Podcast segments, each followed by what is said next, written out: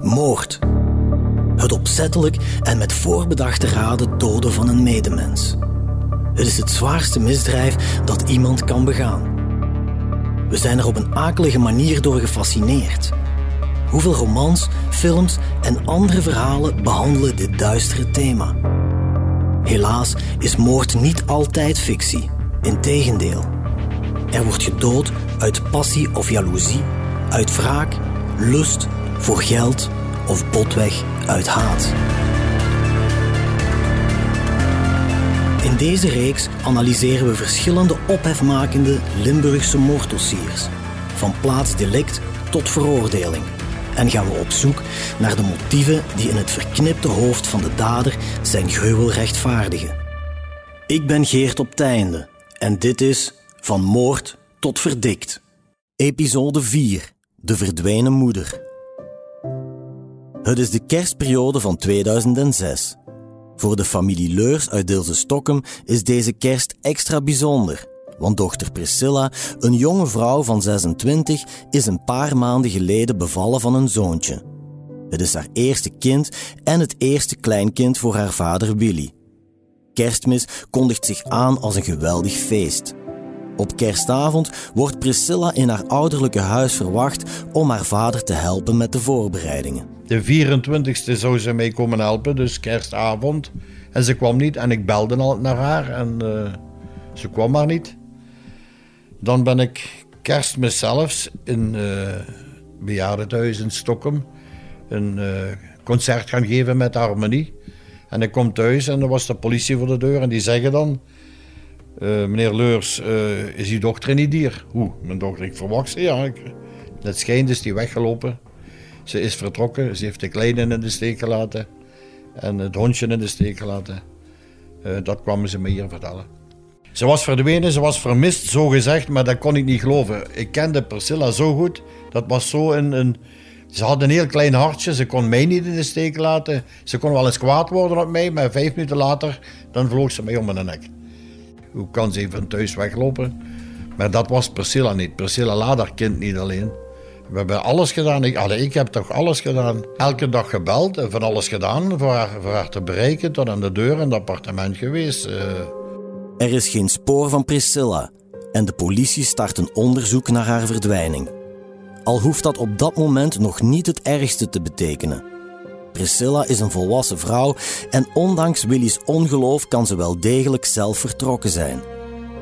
Veel nieuws volgt er echter niet, tot Willy begin januari zijn post uithaalt. Uh, dan is het 7 januari en dan komen hier de uittreksels van de bank. En dan zie ik dat geld was afgehaald in Roudonge sur dat is een visé. Ja, wat doe ik? Ik spring met een auto in, ik ga om naar de politie. Ik zeg, kijk hier, daar is geld afgehaald. Zijt blij, zegt de politie tegen mij. Uw dochter leeft nog, want anders kunnen ze geen geld afhalen. Ja, maar ik zeg, wie zegt dat mijn dochter dat afgehaald heeft? Kunt jij niet een keer kijken? Nou, dat zijn toch camera's, dat moet ook te zien zijn. Ja meneer, dat kunnen we niet doen, want dat kost veel te veel geld en het is een onderzoeksrechter die dat moet bepalen. Ja goed, en daar kwam niks van. Dan ben ik kwaad weggegaan bij de politie, eh, die deden niks. Willy is verbolgen dat de politie niet meteen ingrijpt en hij blijft aandringen bij de speurders om op zoek te gaan naar zijn dochter. Dan ben ik een paar dagen toch weer terug naar de politie gegaan en heb ik gezegd: In godsnaam, uh, ik zal die kosten wel dragen, ga maar kijken. Oh, en de politie is dan naar Brussel gereden met twee. En ze zijn daar die videobeelden gaan opzoeken. Hè. Waar camerabeelden. Hij had de bankkaart in, uh, in uh, de automaat, ze zien hem staan daar. Hij had de bankkaart, zegt Willy. De persoon die geld afhaalt aan de automaat blijkt dus niet Priscilla te zijn. Op de bewakingsbeelden in Visé staat een man. De politie kan hem identificeren en hij blijkt geen onbekende te zijn. Het is Bruno, de man van Priscilla en de vader van hun zoontje. Bruno had zijn vrouw net voor kerstmis als vermist opgegeven. En sindsdien trok hij elke dag naar de politie met de vraag of er meer nieuws was over zijn vrouw. Een goede schoonzoon. Zo kwam hij bij Willy over. Uh, als hij binnenkwam, dat was uh, Allee, de, de ideale schoonzoon. Heel beleefd tegen mij. Veegde zijn, zijn schoenen bleven daar staan. Uh, ging niet met schoenen naar boven. Dat kon ik zeggen. Hij had een Alfa Romeo. Daar zaten uh, zes, zeven zuivere hemden in. Dus hij was heel, heel fier en secuur op zijn eigen. Kon over alles meepraten. Over politiek, sport, zeg maar. Kon over alles meepraten. Hij maakte een goede indruk. Een intelligente, fiere man. Zo typeert Willy Bruno, die op dat moment 23 is.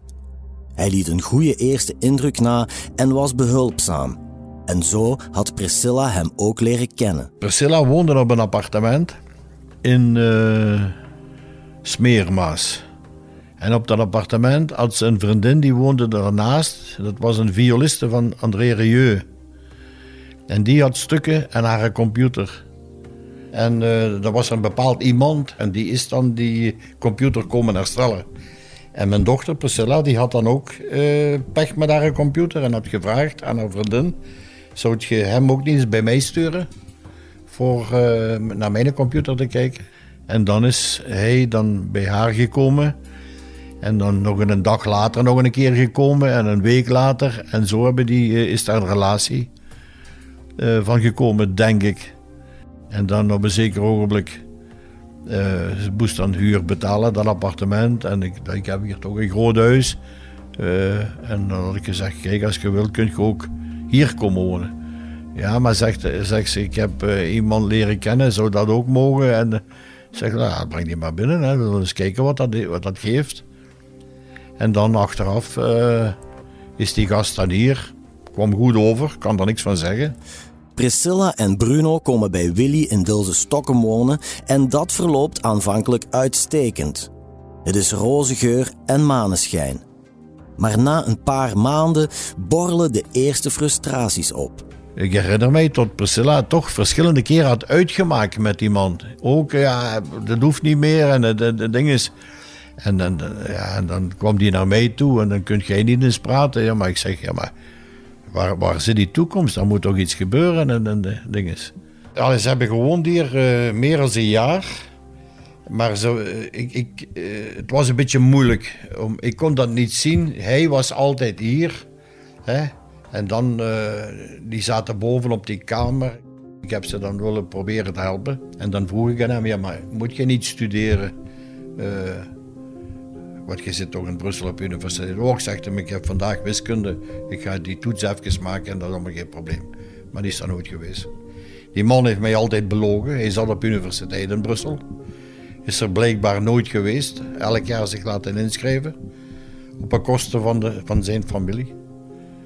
Maar het stoorde mij natuurlijk hè, dat zij aan het werken was boven constant voor uh, vertalingen.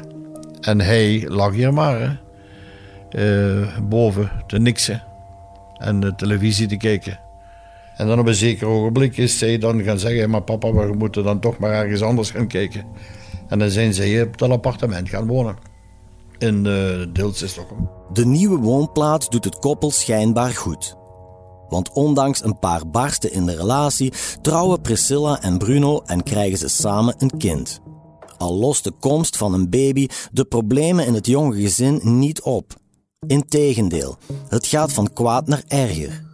Zo erg zelfs dat Bruno in beeld komt als verdachte in de verdwijningszaak van Priscilla, want hij is te zien wanneer hij een visé geld afhaalt met de kaart van zijn vrouw. De speurders leggen Bruno op de rooster en confronteren hem met die vreemde situatie. De ware feiten komen aan het licht. En zo komt er in januari 2007, een maand na de verdwijning van Priscilla, een doorbraak. Ik had een repetitie gehad, geloof ik, in, uh, Genk. En ik kom van Genk af en ik had de radio op staan. En daar hoor ik een jonge vrouw teruggevonden uh, in een schuur in uh, op den Berg. Ik ja, dat is Priscilla. En dan kom ik hier en dan komt het Belang van Limburg stond hier, het nieuwsblad, het laatste nieuws. Dat was allemaal, ik hoorde het juist op het nieuws. En die mensen die kwamen mij al vertellen hoe het juist gebeurd was met een koevoet het hoofd ingeslagen. De grootste vrees van Willy wordt werkelijkheid. Zijn dochter is dood. Vermoord. En dat, zo blijkt uit het politieonderzoek, gebeurde al op 22 december in het appartement van Bruno en Priscilla. Haar lichaam wordt op 24 januari gevonden, exact een maand na de feiten dus, en uitgerekend na een tip van echtgenoot Bruno.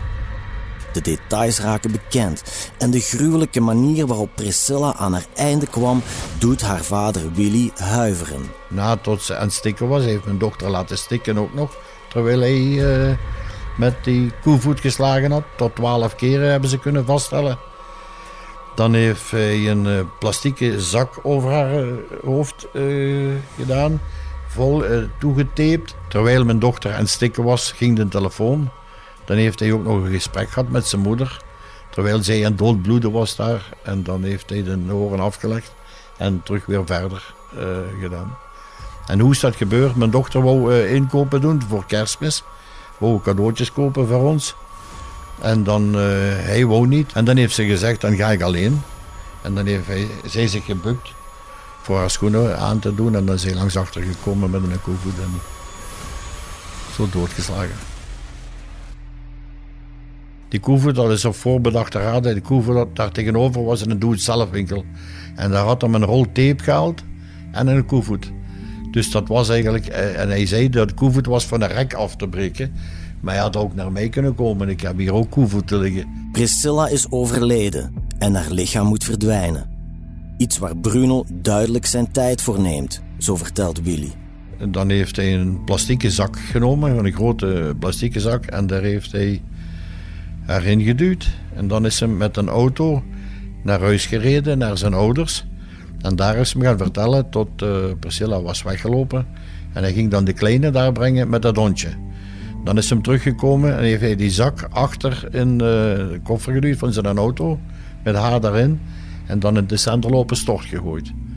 Dat heeft hij gedaan. Uh, en dan zondag is hij die terug gaan halen omdat ze niet werken met kerstmis. En dan heeft hij daar zo een paar dagen mee gaan werken. Meegenomen naar het werk. Achter in de auto.